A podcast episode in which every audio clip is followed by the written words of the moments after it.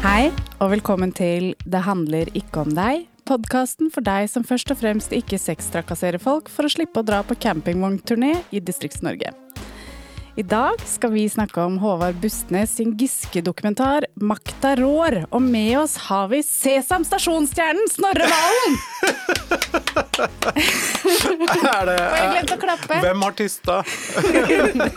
Eh, Fortell, fortell før jeg går videre. Fortell eh, om Sesam Stasjon-opptredenen din. Jeg ikke, Maren har bare sagt at du har vært med i en episode av Sesam Ja, jeg fikk være med i Sesam Stasjon da jeg var fem, var jeg vel, det ble spilt inn. Og det var jo selvfølgelig utrolig stort. Det var en Har du det de på CV-en din? Nei. Hvorfor ikke? Nei. Jeg tror, jeg tror jeg fikk betalt, men jeg tror mamma og pappa tok penger. oh, ja, så det er sånne Macaulay Culkin-tendenser her allerede. Det er Og vi så fulgte et langt liv i rus. Så. Nei, eh, jeg, ehm, det var utrolig stort. For det ble sendt den høsten, tror jeg jeg begynte på barneskolen. Så da følte jeg meg jo helt Du var den kuleste gutten i første klasse. Nei, for jeg, jeg var fra Oslo, så jeg, jeg hadde feil dialekt. Ja, så det å være med på Barne-TV det bidro til å kompensere da, for manglende kulhet. Og så gikk eh, episoden i reprise den uka jeg begynte på ungdomsskolen, hvis jeg husker riktig. Og det var mye mindre kult. så, husker på at det er sånn fester på ungdomsskolen og sånn, der en kompis av meg hadde det her på video. Da. Sånn tok den med og viste den og sånn. Det blei en sånn ting. Jeg var, jeg var innom Kykle Kokos da jeg var barn, men jeg tror jeg bare var gjest. Så jeg vet ikke om jeg var Det var mamma som eh, spilte. Ja. Jeg vil bare nevne at jeg også har vært innom barne-TV. Du er barnestjerne. Ja, jeg òg. Jeg er barnestjerne. Jeg vokste opp i en container. Men Snorre, du er leder for Kringkastingsrådet, ansvarlig redaktør for Trønderdebatt, forfatter av boka Utøyakortet og tidligere SV-politiker, men i kunnskapspanelet ditt på Google så er det musiker Ja. som er din prioriterte tittel. Har du valgt det selv? Nei, og det er helt ufortjent. Er det helt ufortjent? Ja, det er helt ufortjent. Hvorfor tror du det kommer opp først?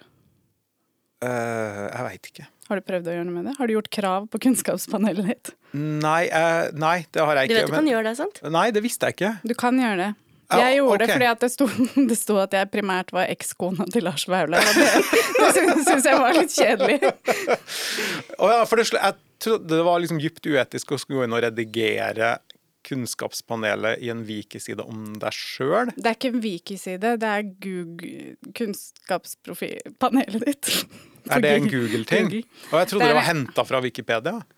Ja, det er hentet fra liksom diverse ting på internett. Så jeg valgte å kalle meg journalist, for det var det som var lettest å bevise. Okay. Med liksom linker til nettsteder og saker. Ja. Nei, men nå som jeg veit at det er mulig å gjøre noe med det her, så føler jeg faktisk litt sånn forpliktelse altså, til å rette Mm. opp. Men Snorre, Mm. vi har hørt at du er litt nervøs og gruer deg litt for å komme hit i kveld. Er det fordi du hater kvinner og ikke tror vi kan Ja. holde oss profesjonelle og snakke om politikk? Det er min sterke misogyni som, som slår inn. Nei, jeg er, er mer nervøst anlagt enn det kanskje noen gang kan framstå som. Og sist jeg takka ja til å være med i en podkast med to kvinner, var med ø, Anna og Asra. Som er en fantastisk podkast i Trondheim. Og de grilla meg i en time. Jeg, jeg ble helt ø, kjørt. Ja, men vi har skjenka deg først, så det Ja, går mye og alt var for fortjent, men det var likevel ganske, ganske tøff affære. Så ja. Nei Vi kunne, vi kunne gjort det, så, altså, men vi er ikke her for, for uh, å gjøre, gjøre vår Det er ikke deg vi skal grille i kveld. Nei, Nei. jeg skjønte jo det. Så fra, fra spøk til alvor. Eh, du er her fordi du er en vesentlig del av Giske-dokumentaren. Eh, regissør Håvard Bustnes hadde hatt Ja. et ønske om å lage en dokumentar om Trond Giske i 20 år, siden han, fordi han allerede på 90-tallet trodde at Giske var en potensiell statsministerkandidat. Eh, og mange har vært skeptiske til å stille opp i dokumentaren, fordi de har vært bekymret for at det er et renvaskingsprosjekt for Giske. Hvorfor sa du ja til å være med? Jeg sa ja fordi um, nå, For å være helt ærlig, jeg sa ja fordi jeg tenkte at jeg ikke hadde noe valg. Eh, fordi det er jo jobben min. Eh, jeg jobber som redaktør. Og da tenkte jeg at det ville se veldig rart ut om jeg ikke stilte opp i en dokumentar. Eh, men jeg var skikkelig nervøs, skal jeg innrømme. Delte du altså da den bekymringen som mange andre hadde hatt, at det var en sånn rehabiliteringssjarmørturné, eller? Ja, det jeg var redd for, var at det var en dokumentar som inngikk i den derre uh, metoo og varslene i Arbeiderpartiet er ledd i en politisk kamp og handler egentlig ikke om metoo. For den, og grunnen til det var fordi henvendelsen om å være med i dokumentaren kom like etter det der helt vanvittige årsmøtet i Arbeiderpartiet i Trøndelag i fjor. Eller nå er det vel faktisk i forrige fjor. eh, der Giske måtte trekke seg. Sånn i ettertid så snakker vi alle om det med sånn noenlunde lik historiefortelling, men mens det pågikk, så var det faktisk i Trøndelag et mindretallsstandpunkt å mene at Giske burde trekke seg. Så bare ei uke før det årsmøtet så var det liksom full enighet om at nå blir Giske fylkesleder i Trøndelag Arbeiderparti. Eh, Så jeg var redd for det. Og jeg gikk og var nervøs for åssen den dokumentaren skulle bli, egentlig, for å være helt ærlig, et helt år. Fram til jeg fikk se den nå rett før jul. Hva tenker du nå som du har sett den? Um, nei, jeg tenker at det ble en helt annen film enn jeg hadde trodd det skulle bli. Uh, det har jeg sagt til Håvard Bussnes òg. Hvordan det? Nei, faktisk på, på førpremieren i Trondheim så hadde vi et sånn lite panel. Da sa jeg det sånn helt åpent, at jeg var veldig skeptisk til å stille opp av den grunnen. Og det skjønte han, sa han. Men du mener at det er blitt en annen film i positiv forstand? Ja, Ja. ja. det mener jeg. Og så får jeg inntrykk av at eh, Og det sier jo Jeg vet ikke åssen dere ser filmen, eller åssen dere leste den, men jeg får jo følelsen av, en sterk følelse av at det starta som en film som skulle i gåsetegn nyansere fortellinga om metoo i Arbeiderpartiet. Og så har intervjuene regissøren gjør, de han møter underveis, det han faktisk ser, gjort noe med hvordan han tenker på hele saken. Da. Altså at det, det filmen egentlig dreier rundt, er regissøren sin egen lille snuoperasjon. Syns jeg, da. Sånn, sånn så er han i hvert fall. Jeg tolker det også sånn. Og så er det en litt sånn delt greie. For på den ene siden så føler jeg at det er kanskje det som gjør filmen mest interessant. Ja, enig. Eh, fordi vi, vi lærer jo ikke noe nytt. Det er mer en sånn en, en oppsummering av saken sånn den har vært. Og uh, Bustnes får lov til å være med Giske på uh, den turneen han har i forkant av eh, eh, valget i 2019. Det er vel fylkes- og kommunalvalget. Og så endrer han litt sånn Litt, litt mening underveis, kanskje. Det han tenker på som en heksejakt, kanskje litt mer nyansert enn det egentlig var. Og så er, er det på en måte nesten drivkraften, for han kommer jo ikke inn på Giske i den forstand at Giske begynner å snakke.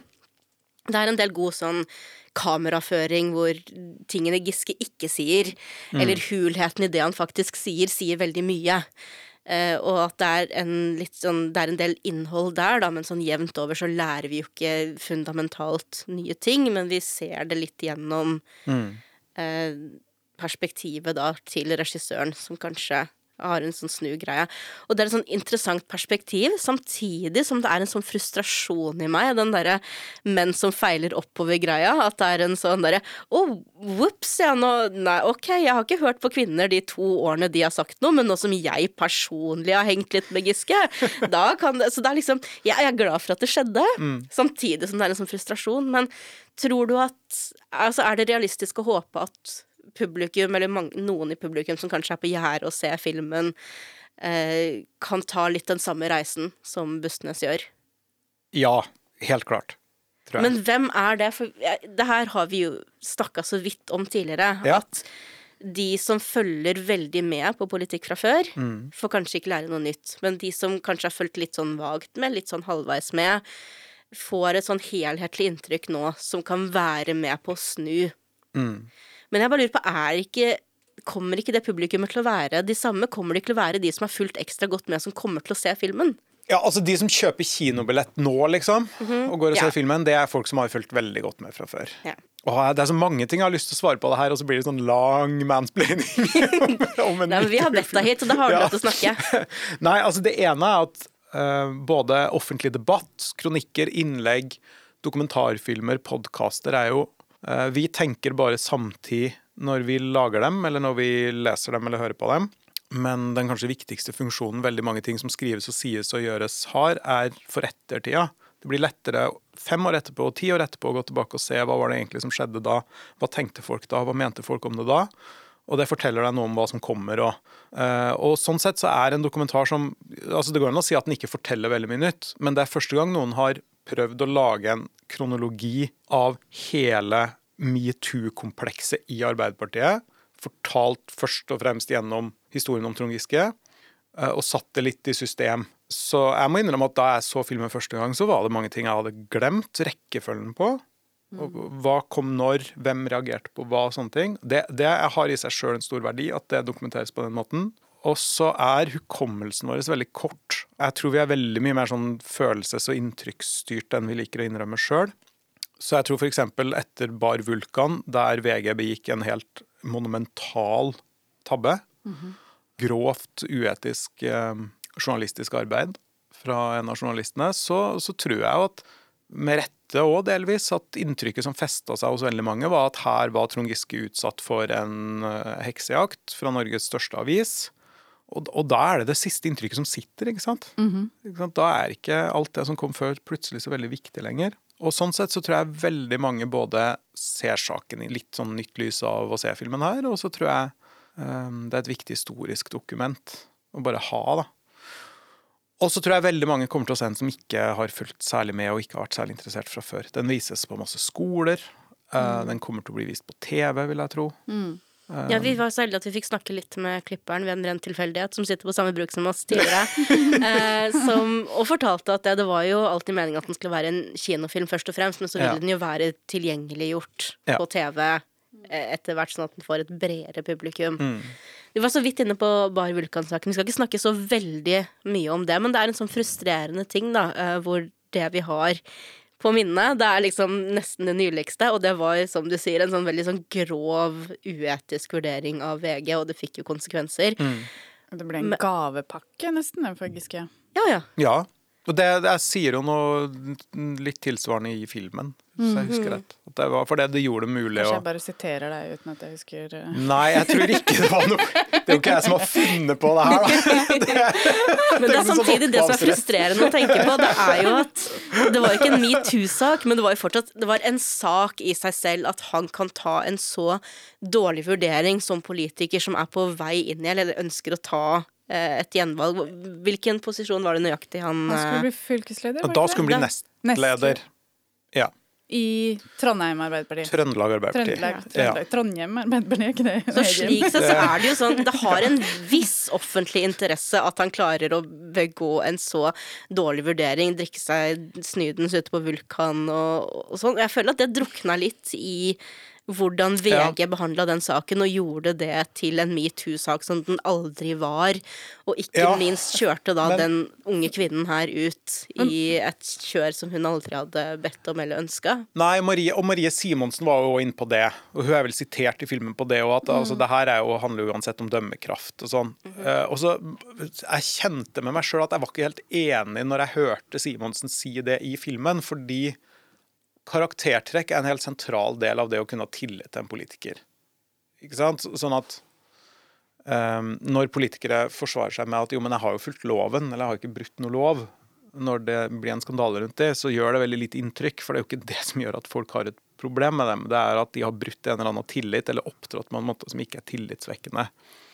Men når du snakker om metoo og ganske sånn grove overtredelser og maktmisbruk, og i noen tilfeller til og med overgrep, som vi òg har hatt tilfeller av da, under alle de her metoo-skandalene som har kommet i norsk politikk, så syns jeg det er litt viktig å skille mellom å oppføre seg på en måte som er tåpelig eller viser dårlig dømmekraft på den ene sida, og det som dreier seg av misbruk av posisjon på den andre. da. Da er vi enige. Ja, og Der antar jeg at du er helt enig. ja. Og sånn sett så passer jo ikke Bar Vulkan-saken egentlig særlig inn heller. Annet enn at den var interessant fordi Giske ble vurdert til et verv akkurat da det skjedde, og han var på byen med lederen av valgkomiteen. Men det er ikke urimelig at det påvirker tillit, selv om Nei, Men det er vanskelig å skille mellom de tingene måte. som du nevner. At, eh, at man ikke sammenblander de og Ja. Jeg har ikke noe svar på hvordan man skal unngå det. Har du? Nei, altså hvis jeg hadde snylta systematisk på skatten gjennom mange år, da, eh, og så ble det avslørt, og så fikk jeg tyn i media, og så sa jeg jo, men nå vil jeg bygge opp tilliten igjen, så jeg har lyst til å bli nestleder i Sør-Trøndelag SV, da. Så jo, jeg tror vel det hadde vært relevant om det viser seg at jeg fortsatt dreiv aggressiv skatteplanlegging, men på rett side av loven. Mhm. Ja. Nei, jeg syns det er vanskelig, men eh, ja, ja. men det er jeg, jo jeg er en av de som var tidlig ute med å liksom dele jeg, jeg delte den videoen på min Instagram da. ja. Eh, sånn jeg ser det, så er det bilde på en ganske notorisk fyr, da. Når du greier å havne i den situasjonen på fylla rett etter en kjempeskandale, når du er på vei til å bygge deg opp igjen. Altså sånn, jeg skjønner at man ikke kan liksom si Jeg skjønner at du ikke helt kan si deg enig i det. Men jeg forstår veldig godt hvorfor det Ja. blir sånn blåst opp, da. Og hvorfor man reagerer så sterkt på det. Og så er det jo Ja. også en sånn blodtørst eh, i det som er ubehagelig, da, som jeg har liksom Jeg har gått litt i meg selv og tenkt på sånn OK, der var vi alle altfor Ja. kjappe, liksom. Men fortsatt et sånt bilde på en sånn ubehagelig oppførsel, Ja. da. Og, det er, og det er komplisert også fordi den der filmen, altså, og hun jenta som er med i den videoen, hun har jo uttalt seg veldig sånn tydelig på at det var en helt uproblematisk situasjon, mener hun sjøl. Sånn hun opplevde det, og det er jo det viktigste her. Men det er jo likevel Når du veit at det over mange år i Arbeiderpartiet i Trøndelag har vært en kultur og et kulturproblem der unge jenter har vært utsatt for stadig seksualisering fra menn som er mye eldre, og du etter hvert har mange kvinner som forteller om det, og som har tort å stå fram. Det hadde de for så vidt enda ikke gjort da under den Bar Vulkan-saken, men mange visste jo at det var sånn. Så blir jo også denne typen saker symbol på noe mer enn bare det den viser. Ikke sant? Kan jeg da bare nevne et sånn konkret eksempel fra filmen hvor uh, Trond Giske står og snakker sammen med Er det Olav Huseby? Ja. Eh, og jeg vet ikke hvilken rolle han har akkurat nå. Han er leder i kontrollkomiteen i Trøndelag Arbeiderparti, og så har han sittet i mange år i fylkestinget i For han sier jo da Trøndelag. til Trond Han er kontrollkomiteen. Han Ja. har ikke så god kontroll på hva Nei, han sier. for han sier da Og jeg skal, hva, hva blir det neste? Skal vi halshugge alle som har oppført seg upassende mot en dame? Da skulle jeg vært halshugd for lenge siden. Ja. Og det er en veldig sånn Tenk at noe så nonsjalant bare si det sånn helt uten Mm. å tenke at det er, noe feil, liksom. Men jeg tror det er litt der vi er, og det fikk jeg egentlig veldig sånn godt illustrert den uka det virkelig tok av før årsmøtet i Trøndelag Arbeiderparti. Filmen kulminerer jo litt i det, når AUF-erne går på talerstolen, gjør opprør, eh, og så forlater de salen, da. Når Trond Giske tar ordet når han skal holde sin, sin store avskjedstale og sånn. Og den uka starter med at vi publiserte en kronikk av ei som heter Ellen Reitan, som er tidligere leder i Trondheim AUF. Overskriften var at hun skulle sagt ifra da hun var 17 og da hun var 23, og det gjorde hun ikke, men hun sier ifra nå. Og hun fortalte om en eh, omfattende ukultur i Arbeiderpartiet Trøndelag. Så trykka vi et innlegg av Tonje Bakke, som, som er ganske sånn hjerteskjærende innlegg å lese. Vi trykka et innlegg av ei som heter Synne Bendal. Vi var en lang rekke innlegg fra kvinner som hadde en fortid i Trøndelag Arbeiderparti, og som fortalte om hva de hadde opplevd, og som ikke minst satte det litt i system. Altså, det her handla ikke om liksom sånn enkeltpersoner som hadde oppført seg kjipt. Det var et kulturproblem. Det det jeg husker best fra denne uka, var det trøkket det utløste. Altså ikke den stormen av liksom støtte og positive reaksjoner de her damene fikk, for det fikk de jo. Men det var at kommentarfeltene var fulle av folk som kom med anklager om prippenhet, politisk spill, øh, og ikke minst at såpass må man tåle. Og det som gikk igjen, syns jeg, da, var at for en gangs skyld så var det ikke kjønn som avgjorde hvor du sto i denne saken. Det var vel så mye alder. Altså det var flust av både menn og kvinner over 50 som mente at det her bare var tull og heksejakt på Giske. Og litt sånn alle har nå oppført seg upassende. Hva er det her for slags mas? Det Eh, og jeg tror veldig mange flere sitter igjen etter metoo eh, med den meninga enn en jeg tror i hvert fall jeg hadde tenkt og tenkt over. Hvorfor tror du det? Nei, jeg veit ikke. Altså, Én ting kan være at det ikke nødvendigvis føles så nært og umiddelbart for alle. da. Mm. Og, og jeg tror jo en del av de liksom, fortellingene som kom fram under metoo, føles mer nær og mer umiddelbar for noen som er 25 enn noen som er 65 og har vært lykkelig gift i 40 år. Tror det er mer generasjonelt enn det er geografisk. Fordi vi ser jo at eh, Trond Giske kjører jo veldig hardt på det med grasrota. Han prøver å komme tilbake til grasrota, altså til vanlige mennesker. Det er på en måte hans fokus, og han har jo bred støtte blant så mange som han møter ute på bygdene. Jeg tror det er du som sier i filmen at eh, han fremstiller det som at han er den eneste fra Arbeiderpartiet som har Besøkte besøkt Nord-Norge. Ja. Ja.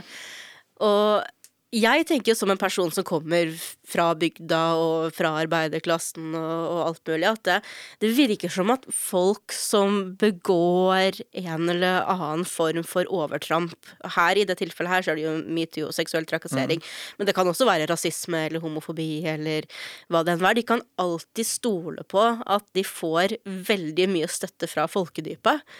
Men, men, er det, tenker jeg, for lite generasjonelt når jeg Jeg tror kanskje det. Ja. Fordi eh, det lokallaget som kanskje var liksom gjennom alt bråket her, både var mest lojalt til Trond Giske, og som det er verdt å merke seg at alle de her kvinnene som sto fram i løpet av denne uka, kom fra, det var jo Trondheim. Det var jo ikke små distriktskommuner i Trøndelag. Det var Trondheim. Mm. Eh, og Trondheim Arbeiderparti de fortalte om.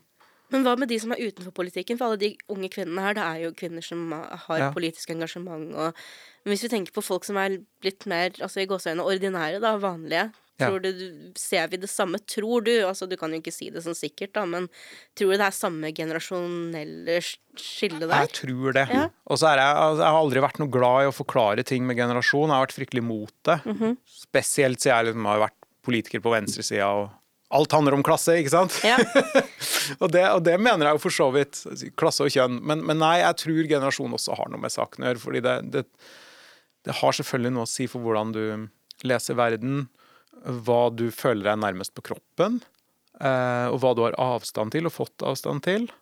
Jeg er ingen psykolog og skal ikke late som jeg er det, men i noen tilfeller tror jeg også det har litt med sånn fornektelse å gjøre, eller at det er behagelig å ikke gå for mye inn i ting som er ugreit fra veldig langt tilbake. Så ved å si at det her er ikke noe big deal, så slipper du å konfrontere det. Og så er det et siste element her da, som gjør det her komplisert, fordi um, Og det finnes ikke noen måte å si det her på som ikke kan misforstås, da. Men AUF trakk jo først støtten sin til Trond Giske som lederkandidat i Trøndelag Arbeiderparti torsdagen før det årsmøtet, altså to dager før. Etter en en uke lang, ekstremt heftig mediestorm. Altså det vil si i 2020? I 2020. Ja. Eh, AUF Trøndelag forholdt seg jo lojal til Trond Giske og hans politiske miljø i Arbeiderpartiet helt fram til like før han trakk seg. Mm.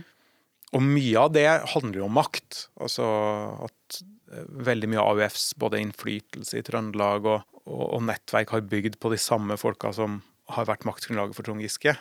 Noe av det tror jeg handla om frykt, eh, men det er jo ikke til å komme bort ifra at det er jo og Det var jo Ellen Reitan inne på i sitt innlegg òg. Det er jo mange som har valgt å se den andre veien. Mm. Fordi det først og fremst dreier seg om politikk. Så det spiller vel også inn i noen tilfeller, da. Tror jeg. Ja. For det er veldig tydelig at Giske selv da, har låst seg i det maktkamp-narrativet. Ja, og, og det... det, er jo et element av maktkamp ja. der, men spiller det egentlig noen rolle? Ja, Spiller det noen rolle hvilken motivasjon man har for å ta et oppgjør med en ukultur? Nei, og det der er et veldig godt spørsmål, da. Fordi um, jeg husker jeg gikk tilbake så så jeg et opptak av debatten fra Når var det, da? Tidlig i forrige tiår. 2012-2013 jeg husker ikke året, men det var jo en varslersak i Tromsø. Og jeg tror vel aldri offentligheten helt ble kjent med hva saken gikk ut på, men det var ganske alvorlige varsler mot en statssekretær da, fra Arbeiderpartiet som måtte gå av. Og da fikk vi en debatt på NRK der hele spørsmålsstillinga var var det her et reelt varsel, eller er det en drittpakke og ledd i et politisk spill. Mm. Og Det var ganske forfriskende å se en debatt om det her fra mange år før metoo. fordi på den ene sida så var det da en sånn mangel på bevisstgjøring som vi nå tar litt for gitt da, når det her diskuteres på TV. Men på den annen side så var det litt sånn fritt fra det derre kravene som har kommet etter metoo om at varsler skal være så reine og ubesudla og, og, og upåvirka av maktkamp og andre ting. da. Så Redaktøren i Nordlys da heter Anders Oppdal, han er nå konsernsjef i Amedia. Han ble spurt er det her en drittpakke, er det maktkamp? Og Oppdal ble jo spurt fordi det var Nordlys som hadde publisert saken, og han svarte at ja, så klart er det, fordi eh, vedkommende som det er levert et varsel på, Roger Ingebrigtsen heter han vel, eh, han er jo kandidat til et viktig verv. Og da er det jo helt åpenbart relevant både for medlemmene i Arbeiderpartiet og for offentligheten å vite hvorvidt han er skikka og egna til å ha det her vervet. Mm -hmm. Så han behandla det som noe helt naturlig og uproblematisk, at det var et element av politisk kamp i det. Av, av veldig mange positive følgere av metoo, så syns jeg én ting som har blitt problematisk etter metoo, er et sånn uuttalt krav som har kommet om nettopp at du kan stole mer på et varsel hvis ingenting står på spill. da. Mm. Syns jeg ofte har blitt litt sånn budskap, og som jeg syns veldig mange av oss aksepterer òg.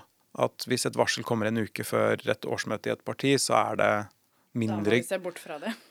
Ja, eller i hvert fall ta høyde for at dette vel så mye er et skittent spill som et varsel. Mens jeg tror det som regel fortoner seg helt omvendt. Da, at jeg tror veldig mange kvier seg for å fortelle om opplevelser de har hatt, helt til de blir nødt til å konfrontere det det er nesten en sånn beskyttelsesmekanisme. Da. At man begynner å spinne ja. og mistenkeliggjøre alt som blir sagt. At det er bare enda en sånn jo. Ja, makta beskytter seg selv, liksom. Ved å bare mistenkeliggjøre alle som eh, fremmer eh, påstander. Ja.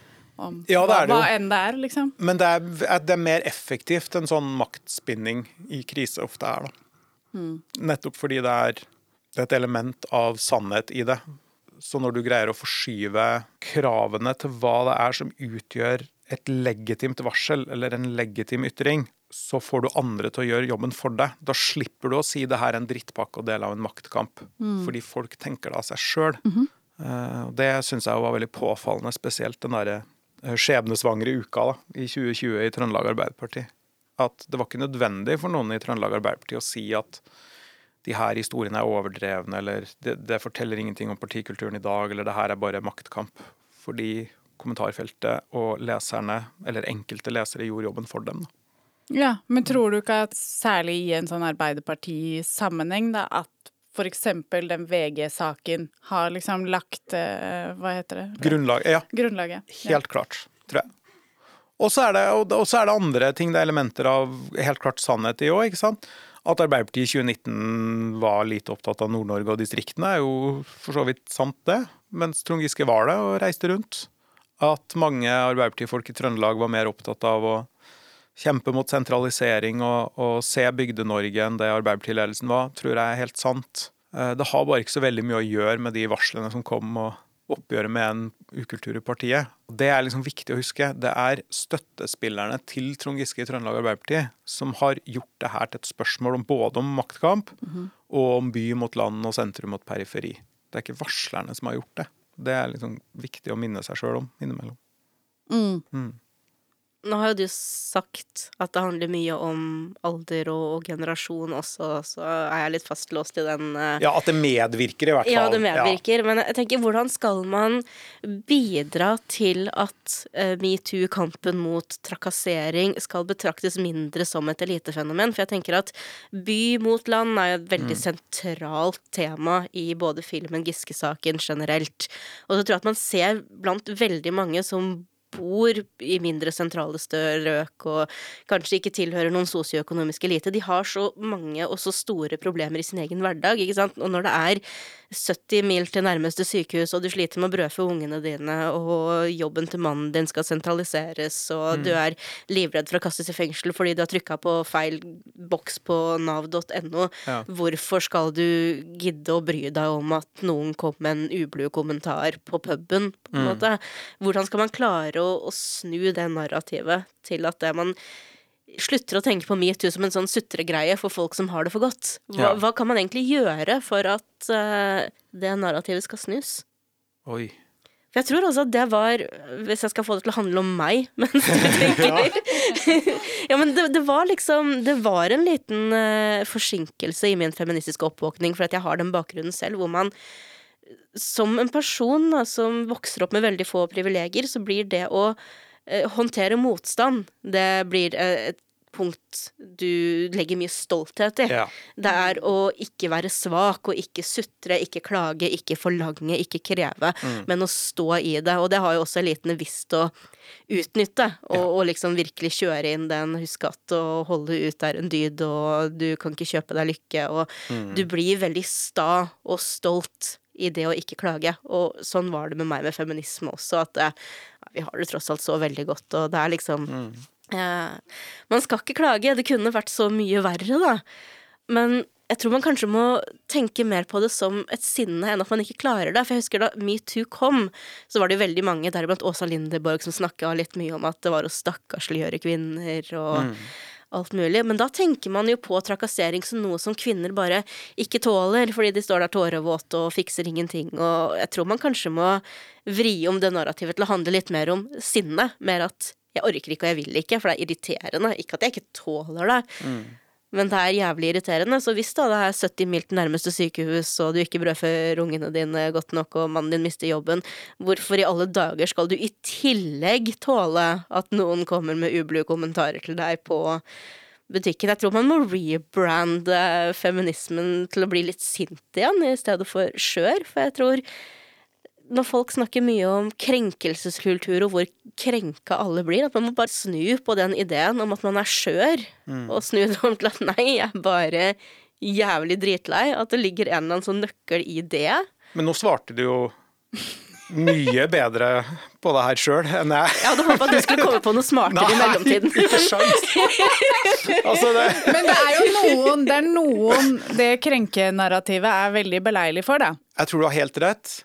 Jeg, jeg tenkte på Hanna Kvanmo når du, når du beskrev det her sinnet. Altså, jeg, det bare slo meg at eh, en, en av de tingene jeg er mest kjent for av sånne artige replikker For hun hadde jo en del sånne udødelige one-linere, og det kanskje mest kjente er jo da Kåre Kristiansen i KrF tok henne på skuldra under en debatt mens hun snakka for å liksom roe henne ned. eller noe sånt. Og så feide hun bort armen, og jeg husker ikke om det var i Stortinget på direktsendt TV, og sa sånn her ta, Legg bort den der klamme presthanda di.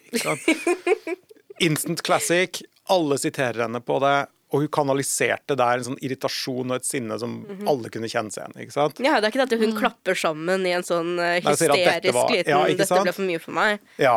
Eh, Så det, det tror jeg det er veldig mye i, altså. At Jeg det tror er sånn, bare Slutt lik- å plage meg. Folk bruker det som Men- hersketeknikk å kunne tilskrive folk en sånn eh, skjør liten Ja. Chihuahua-egenskap når det de sier at vet du hva, det her er ikke greit. Ikke sant. Men så er problemet at, at um, konsekvensen av veldig mange av de tinga vi diskuterte om Trøndelag Arbeiderparti for, eksempel, for et par år siden, var jo at kvinne etter kvinne etter kvinne slutta å være politisk aktiv i Arbeiderpartiet fordi de ikke orka kulturen. Og da er vi jo ganske langt forbi en sånn her nuisance, det er krenkende, det er irriterende, det er plagsomt nivå. Altså de, de var De så seg ikke villig til eller i stand til å fortsette å være politisk aktiv. Og da er det jo plutselig et demokratisk problem. Altså, da handler det om liksom, tilgangen til å uttrykke seg politisk og utøve politikk. Så jeg, jeg tror ikke det er noe sånn vei utenom å omtale en del av de sakene her som så alvorlige som de faktisk er. da. Altså, det her er jo akkurat samme problemstilling som eh, antirasisme i vår tid. eh, inntil Putin kom ut av skapet som fullblodsfascist. Litt som forståelsen av trusselen fra ytre høyre òg. Det blir liksom ikke tatt helt på alvor. Det blir stempla som et sånn der eh, lynnespørsmål, godhetsspørsmål, og ikke liksom materiell, knallhard, blodig virkelighet. da. Og det òg er jo en teknikk mange bruker for å bare slippe de vet det å ha funker. vel- Ja, de vet det funker. Og, og det funker jo. Det Ja, ja. funker som Ja. bare faen. Ja, ja, ja. Det er veldig ekkelt å observere. Ja. Hele tiden. bare stemple svakhet som noe uønska. Ja. Altså, AUF ble raskt stempla etter 22. juli som eh, de hadde trøblete forhold til ytringsfriheten. Mm. Eh, De måtte passe på hva de skulle si. Ja, for jeg får også litt sånn følelsen av at jo mer vi snakker om problemene, jo større blir motstanden også, da. Og det syns jeg er eh, en ganske sånn skremmende greie. Ja, og så følger det en formel, ikke sant? for jeg vet jo at enkelte som hører på det her nå, da vil si jo, men det skyldes jo kansellering, en tiltakende behov for sensur og meningskontroll på venstresida, mm. osv. Og, og det mest interessante syns jeg er den der trassigheten som enkelte beskriver, at jeg får mer lyst til å mene det her, eller gjøre det her, når motstanderen sier det der.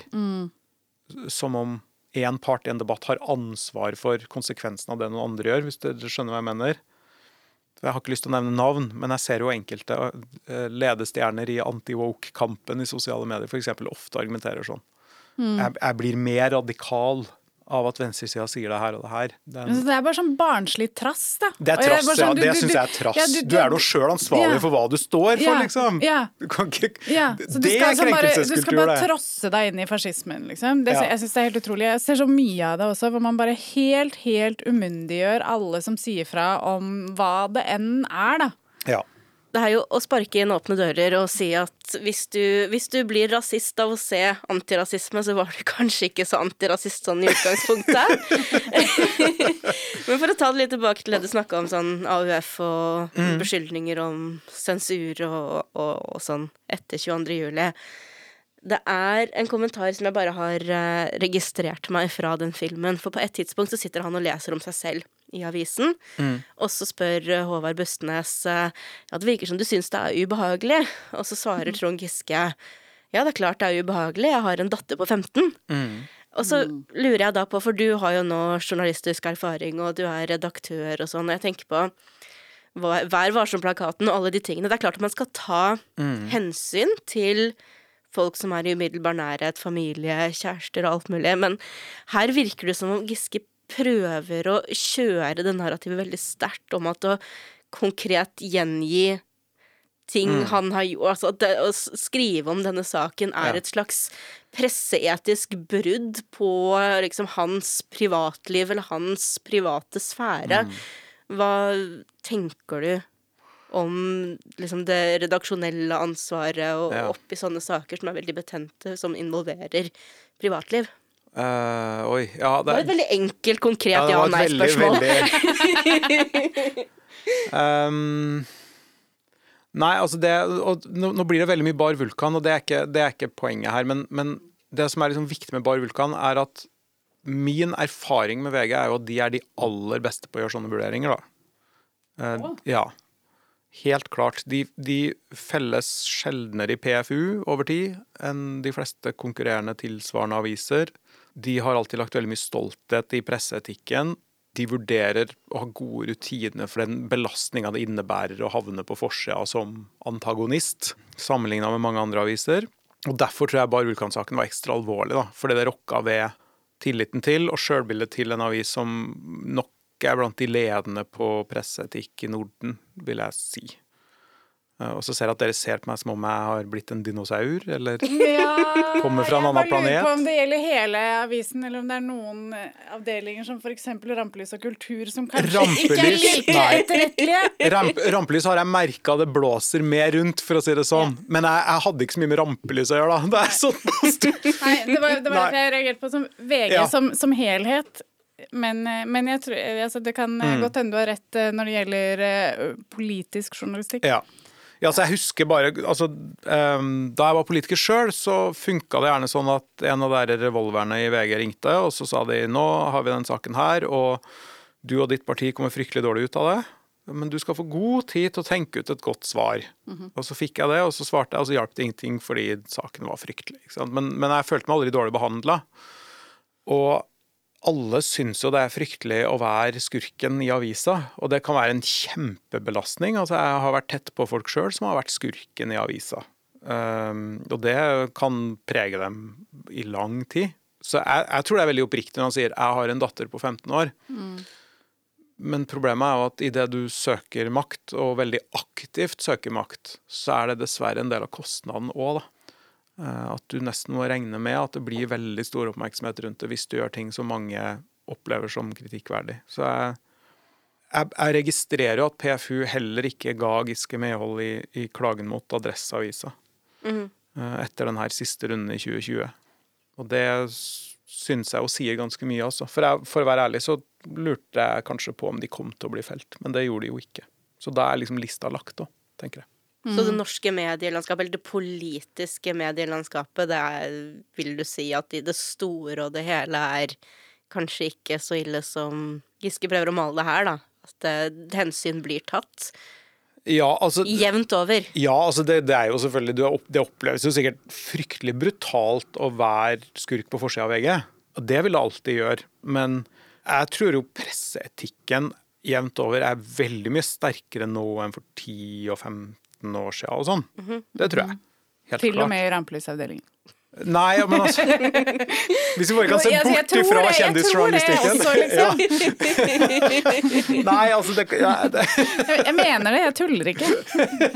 Jeg tror det er bedre enn det. Ja, nei, jeg tror det. Um, eller jeg veit det. Altså, det bare se hvordan, hvordan snakka vi om varslersaker om, om overgrep eller seksuell trakassering for ti år siden og i dag. Altså, det, det er jo et univers av forskjell. Ja, altså Min personlige mening, som altså er min, den, re den representerer verken Det handler ikke om deg eller Snorre Valen. Eh, det er jo at det, hvis det du syns det er ubehagelig at det står om at du trakasserer kvinner i avisen, i tilfelle din 15 år gamle datter ser det, Mm. så er den enkle løsningen å ikke trakassere kvinner. Ja, men problemet er at det enkle svaret på det du sier nå, hvis det er noen fra Trøndelag Arbeiderparti, er jo å si at jo, men saken du sikter til nå, når han sitter og leser VG i filmen, er Bar Vulkan. Det er da han sier jeg har en 15 år gammel datter. Ja, men hvis jeg hadde en 15 år gammel datter som jeg ikke ville at skulle se avisoppslag om at jeg sto og grinda på samtykkende 25 år gamle kvinner i Yes. avisen, Ja, så ville jeg ikke gjort det i tilfelle min 15 år gamle datter Nei. så det. Så det stem på jo- meg. Ja, og det har vi jo et begrep for, alle som har drevet med politikk. Skamvett. Uh, nei. Fordi tilstrekkelig mange politikere har ikke skammet, så man har et annet begrep for det, og det er VG-testen. Ja. Hva er det? Det er ganske enkelt at hvis det ikke tåler forsida på VG, så skal du ikke gjøre det. Men uh, har noen fortalt Trond Giske om det? Det er mange politikere som ikke har hørt om VG-testen, Ja, okay. har vi lært det siste året. Men Ja. det er et veldig etablert begrep. Og vanligvis så brukes det jo om sånn Kan jeg gå så langt som det her i denne drøye uttalelsen jeg har tenkt å gi til pressa? Mm, tåler det forsida på VG? Nei. Nei, da lar vi være. Men, men det er veldig sånn rask, fin, instinktiv måte å si sånn. Skal jeg Men, men, skal men til Giskes eh, ikke forsvar, det blir feil å si det, men altså, han har jo blitt på en måte hylla og heia på for de greiene som han nå altså, Man ble jo det På før. 90-tallet, tidlig Ja, ja. 2000-tall, så var det jo Han var partyministeren, og han var kul, og Mira Craig på skuldrene, og det er liksom Han var som en sånn eh, partylegende, da. Det var veldig kult, og nå er det ikke greit. Så det er, han har jo fått lov, og det har blitt skrevet om, Ja. og det har ikke fått de negative konsekvensene som det får nå. Så det er jo på en måte, selv om kanskje etter metoo og den første runden, så burde han kanskje greid å tenke seg om, men det sitter jo kanskje litt i da, at han har fått lov til å holde på, så han tenker ikke sånn når han står på bar vulkan med Det tror jeg du har helt rett i, altså. Og det er liksom du sa, Maren, at uh, det her eh, helt glimrende resonnementet ditt rundt at man må, man må være litt mer sint og irritert, og ikke fremstå som så krenka. Det, det henger sammen med det her òg. Ja. Fordi eh, jeg tror jo veldig mange som har vært en del av en politisk kultur der eh, overskridelser har vært veldig vanlig, da, føler at det også er et angrep på dem at det skrives så mye om metoo-avisa. Ikke fordi de sjøl har gjort noe galt, men fordi de har sett gale ting skje. Og det har vært en kultur for å ikke gjøre noe med det. Og det tror jeg jo gjelder mange, da.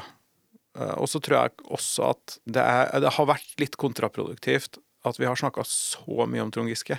Fordi no, noe av det viktigste mange av varslerne i Trøndelag prøvde å få fram for halvannet år siden, det var jo at det her er strukturelt. Det er et Ja. problem i hele Trøndelag Arbeiderparti. Det var eksempel på eksempel og beretning på beretning og historie og historie, og ingen av de handla om Trond Giske. De handla om andre folk i Trøndelag Arbeiderparti. Mm. Og det var beskrivelser av episoder og hendelser og erfaringer som inngikk i et slags system, ikke sant? der seksuell makt og politisk makt glir over i hverandre, der du har seksualiserte drikkeleiker med 16 år gamle jenter og 50 år gamle menn til stede. Jeg syns jo det har vært litt sånn lett for mange å projisere alt det på Trond Giske òg, som om han liksom har funnet opp seksuell trakassering i, i norsk Han har politikk lært det et sted, han òg. alle har lært et sted. Og, og, og det å liksom erkjenne at det her er et kulturelt problem, da, det har virka vanskelig for Trøndelag Arbeiderparti å gjøre, syns jeg. Hvorfor tror du det er spesielt vanskelig for Trøndelag Arbeiderparti?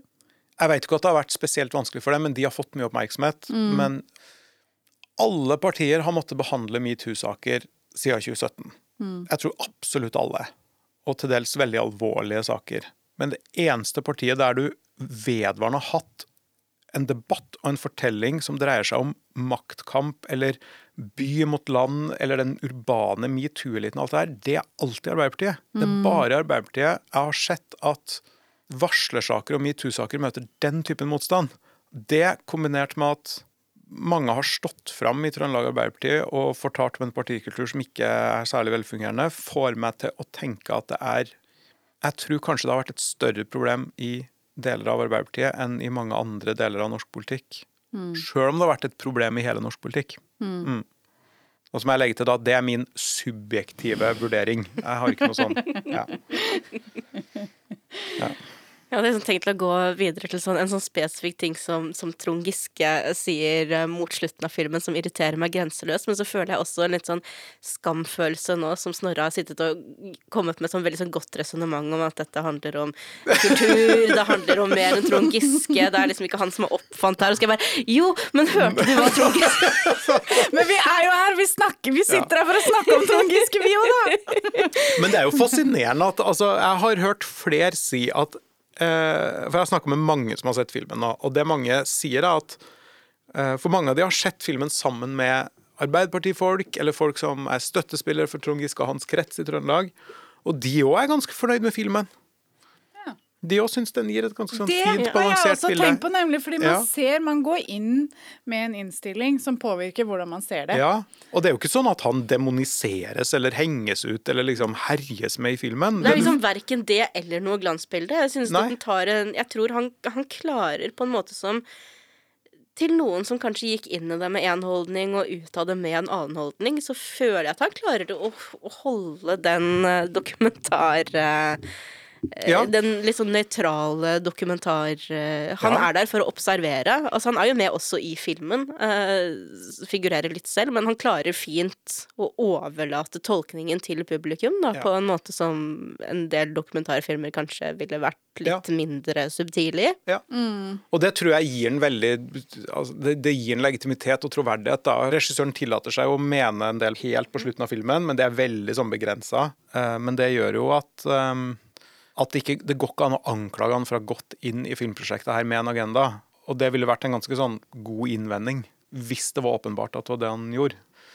Så du eksempel, Maren, som sier at du syns ikke det kom veldig mye nytt, og du kjente på liksom frustrasjon når du så filmen og sånn. Men det gjør ikke noe, er jo det jeg lander på til syvende og sist, for det er okay, ikke det som er ja. poenget. Nei. Uh, jeg husker at det var det jeg satt der og tenkte akkurat da jeg så den. Mm. Uh, og så har jeg gjort meg andre tanker sånn i ettertid, uh, sånn som at alt Trond Giske ikke sa, eh, hvor lite Mm. det var i det han sa at det på en måte var filmens styrke. Altså, det gjør ikke noe at det ikke kommer frem noe nytt. Det var på en måte ikke en eh, kritikk. Det er bare sånn, det var den umiddelbare ryggmargsrefleksen ja. akkurat der og da. Og så tenker man kanskje litt over det etter at det gjorde ikke noe. Og du har jo også redegjort godt for hvorfor det er fint med den den oppsummerende, den lille tidskapselen som den dokumentaren er, da, hvordan ja. det kan være. Så det var ikke ment som en sånn kritikk fra min side for hvorfor filmen Nei. er dårlig, på en måte, for jeg satt ikke igjen med den følelsen. Nei. Men hva skulle du ønske var annerledes i filmen, da?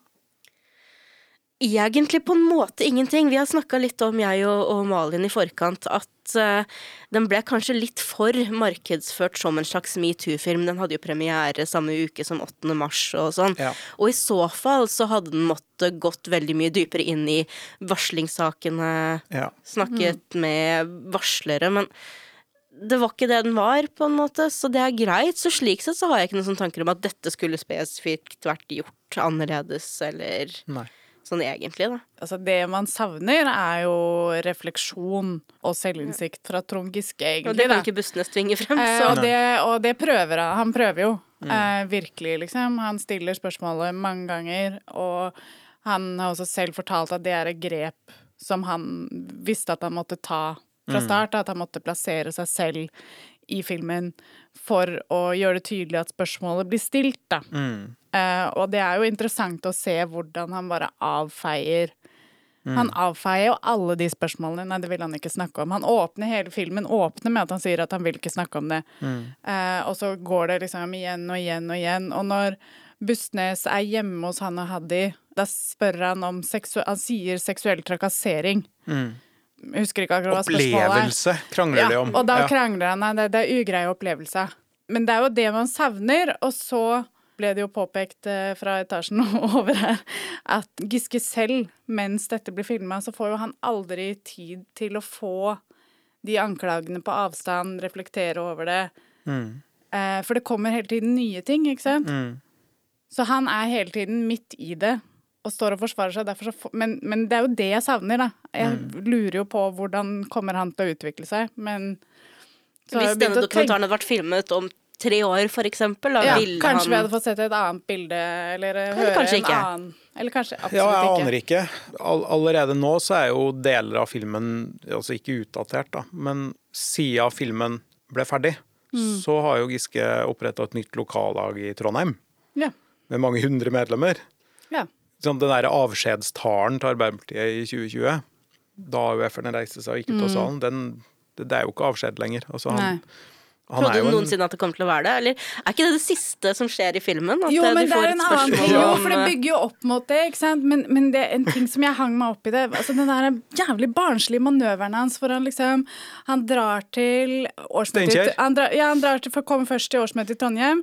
Og ja, det er samme så- årsmøte, men de er på to steder pga. Ja, korona. ja, ja, ikke sant? Ja. Mm. På grunn av korona. Og så kommer han først til Trondheim, Ja. eh, og alle ser at han går inn der. Og så sniker han seg ut og kjører til Steinkjer, og der holder han den avslutningstalen. Så jeg bare sånn, men voff, voff. bare så umodent, og jeg skjønner jo at Han sier jo at det handler om at han vil liksom vekk fra der hvor pressen tror han er, men pressen er jo på det andre møtet også. Ja. Så det er bare sånn umoden lek, liksom. ja, jeg skjønte aldri det der. Nei. Det som er litt sånn rart, er at i filmen så kommer det jo tydelig fram at det her var noe han planla dagen før. For han sier jo det til regissøren i filmen, at i morgen skal jeg ta deg med på et stunt, og vi skal Ja. lure pressa litt og sånn. Ja. Um, Hva, hvorfor? jeg veit ikke. Hva er motivasjonen? Nei, jeg, jeg veit ikke. Jeg, har tenkt på det sjøl òg. Og for filmen er det jo fantastisk dramaturgi, ikke sant? fordi Håvard Bussnes kan sette opp en sånn sånn montasje med bilen som rusher ut av garasjen, og det blir sånn ufrivillig komisk, da. Men jeg veit ikke. Men noe av det mest interessante dialogen i filmen foregår jo på den kjøreturen fra Trondheim til Steinkjer, syns jeg. For det er jo den første gangen, og siste gangen i filmen, at regissøren virkelig er konfronterende i stilen, syns jeg. Og bare ikke gir seg. Og så kommer det bare aldri noe videre. Nei. Lall, som vi sier i Trøndelag. Ja. Mm. Nei, han har bare gått i lås. Etter den praten vi hadde her i stad, så har jeg liksom tenkt sånn Kanskje ikke mulig å låse opp igjen heller. Jeg tror omgivelser har veldig mye å si, da. Altså hvis du Kristin Clemet har skrevet veldig bra om det. At veldig mange politikere etter hvert internaliserer makta og innflytelsen og begeistringa de har og skaper hos andre mennesker. da. Så de ender opp med å tro at grunnen til at alle vil snakke med de, kontakte de, høre på det de sier, er fordi de er så fortreffelige folk. Og derfor blir overgangen til livet som ikke-politiker veldig tung for mange. Fordi plutselig ringer ikke pressa, og du kommer ikke i avisa. og Du var ikke så viktig, og folk kjenner deg ikke igjen på butikken mer. og sånn. Uh, og hun, var, hun skrev en veldig bra tekst om det for noen år tilbake, og jeg tenkte på den da jeg så filmen, fordi på denne campingturturneen til Giske så møter han jo bare folk som syns han er helt fantastisk, og som bare gir den støttende og rosende ord. Og de aller fleste av dem er helt vanlige grasrotfolk i Arbeiderpartiet. De har ikke noe umiddelbart å tjene på å smiske med en. Det, det er veldig oppriktig. Og hvis du hele tida får den tilbakemeldinga, så er det kanskje ikke så lett å, å drive den typen liksom, sjølgransking du snakker om heller, da, tror jeg. Ja, man må jo ha på en måte en interesse for eh, Eller man, man må jo starte med en selvinnsikt, da. Ja. Jeg tror ikke det blir lettere å få selvinnsikt jo eldre du blir. Nei. Men en ting som jeg har tenkt på, er jo at Giske har jo alltid vært en sånn maktkåt del av eliten. Men han får liksom framstille seg selv som sånn veldig nedpå jorda likevel. Jeg føler at det er en Ja, sånn på- stor sånn Ja, men er det sant? Altså, han, han, er mest, han er vel mest fleksibel. Altså, ja, for Trond Giske har vært så mye, liksom. Han har vært kronprinsparvenn og kjendis og hengt i de hippeste kretser i Oslo. Og, Men hvorfor er da grasrota villig til å akseptere ham som en av seg selv likevel? Fordi det handler om politikk, først og fremst. Han, han presenterer en analyse og står for saker som de er opptatt av. Og han ser dem, gir dem oppmerksomhet, er den som dukker opp med campingvogna si, og, og, og snakker med dem. Mens Jonas Gahr Støre er opptatt et helt annet sted. Det er interessepolitikk, og det er sånn ekte opplevelse av hvem du snakker med, tror jeg. Og så Trond Giske sier jo noe han har helt rett i i filmen. Altså Han sier at han er skeptisk til folk som sier at de ikke er opptatt av makt når de driver med politikk. For hva er det da de er ute etter? Spør han. God lønn, mat i kantina. Og det, det, det har han jo helt rett i. Så om noe så er vel Trond Giske mer ærlig om at det er makt han er ute etter, da. Ja. Enn mange politikere er. Ja. Jeg, jeg var en sånn feig politiker. ikke sant? Jeg ble ofte spurt sånn Ja, er du ute etter makt? Og så pakker jeg det alltid inn og sånn Nei, jeg vil kjempe mot forskjeller og liksom pakka det inn mer sånn romantisk språk. Men det handler jo dypest sett om makt. For å gjøre noe du mener er riktig å gjennomføre. Og Trond Giske bare sier det rett ut, og så blir vi litt sånn sjokkert. Um, men jo da, nei, vet du hva, glem det. Han, han, han er jo mer maktsøkende enn mange andre politikere òg. Det er han jo, ja. Glem alt jeg sa. Per 2022, hvem er egentlig lengst unna statsministerposten av Trond Giske og Hadia Tajik? Nei, jeg, jeg, jeg, pleier, jeg, jeg spår aldri sånn. Altså, nei. Du svarer det samme som du gjør som siste replikk Ja. i, eh, i mm. filmen vi snakker Ja, om. og Du, det, og det framstår utrolig feigt, men det er mest fordi vi har det var en god avslutning, ja. Ja, det ble en sånn cliffhanger, liksom. Nei, men det, det er jo mest fordi vi har ikke noen forutsetninger for å, for å analysere det noe særlig. Og er det en ting vi bør ha lært Altså, jeg tilhører en generasjon som ble lært opp til at verden fungerer etter et veldig bestemt sett med regler. Uh, Og altså, her har Jeg har snakka om det tusen ganger siste ukene, for jeg er helt sånn opphengt i det derre uh, bruddet med murens fall da, som krigen i Ukraina medfører. Så da, det er slutten på en verdensorden min generasjon ble poda inn med. At nå er verden fri og demokratisk, alt blir bedre og grensene blir åpnere og demokratiet vinner alltid og sånn, og så viser det seg at det er jo ikke sant. Men litt sånn er det i all annen politikk òg, at vi har hele tida sagt at det bare er sentrumsorienterte kandidater som kan bli president i USA. Vi har sagt at det er bare liberale politikere som vinner regjeringsmakta i Polen. Vi har sagt at eh, Frp kommer aldri i regjering, uten sammenligning for øvrig med regimet i Polen, bare så det så jeg ikke får ja. Veldig politikersvar av deg. Veldig politikersvar. Men altså, jo, de siste ti åra forteller oss at det aller meste kan skje, da. Og det betyr at um, de der vanlige sånn politisk kommentatoranalysen av liksom, hvem kommer til å ta over det vervet her, og sånt, syns jeg har mindre og mindre verdi. Fordi det viser seg at vi lever i en ganske sånn grenseoverskridende tid. Men siden vi lever i en grenseoverskridende tid, hvem er Er det skatteskandale Tajik eller mitt Ja, nei. Um, nei, jeg tror ingen av de blir statsminister eller leder i Arbeiderpartiet. Men det, det, men det er vel så mye fordi det er veldig sjelden at nestlederen i Arbeiderpartiet blir leder. Og det er en brist i filmen til Bustnes, for der presenteres det som en sånn viktig stepping stone på veien til å bli partileder og statsminister. Men sånn, sånn er det ikke. Nestledere har som regel som jobb å være ryddepersonale og pitbull for lederen. Du skal gjøre alle de upopulære tinga, du skal gjøre alle de skitne tinga, du skal si alle de vanskelige tinga. Der har de gjort en kjempebra jobb, da. Uh, Tajik og Giske? Nei, de har jo ikke det, ikke sant? Fordi det er jo ingen av de som har vært Med, lojale. ro, med å gjøre de skitne tingene, da. Ja, det har de. Altså, ikke med rydde på, ryddejobben. Der har de gjort en dårlig jobb. Men det er ingen, de har gjort det på vegne av seg sjøl, og ikke for å beskytte Støre. Og da, så, så jeg syns jo ikke det. Nei. Det er vanligvis ikke sånn at Gjør man seg selv da så upopulær som nestleder at det, det er det som hindrer deg i å få det ledervervet? Eh, I noen tilfeller tror jeg det stemmer, men eh, i andre tilfeller så viser det seg at du er ikke så superlovende som du kanskje ble hypa til å være. Eh, Men jeg tror det først og fremst er det, Ja, det er to helt ulike måter å se på et nestlederverv i et parti på. Det ene er at det er et steg opp i hierarkiet, og du er et hjerteinfarkt fra lederposten. Eh, Men det andre er at det er en funksjon som er til for å sørge for at lederen har ryggen fri til å gjøre en så god jobb som mulig. Og, og med det perspektivet så er det ganske vanskelig å gjøre en god jobb som nestleder og deretter bli en elska statsminister. Tenker jeg, da. Takk for at du ville komme og besøke oss. Takk for at jeg fikk komme. Nå har vi, nå har vi kommet til bunns i uh, mysteriet Giske en gang for alle. Ja. Eller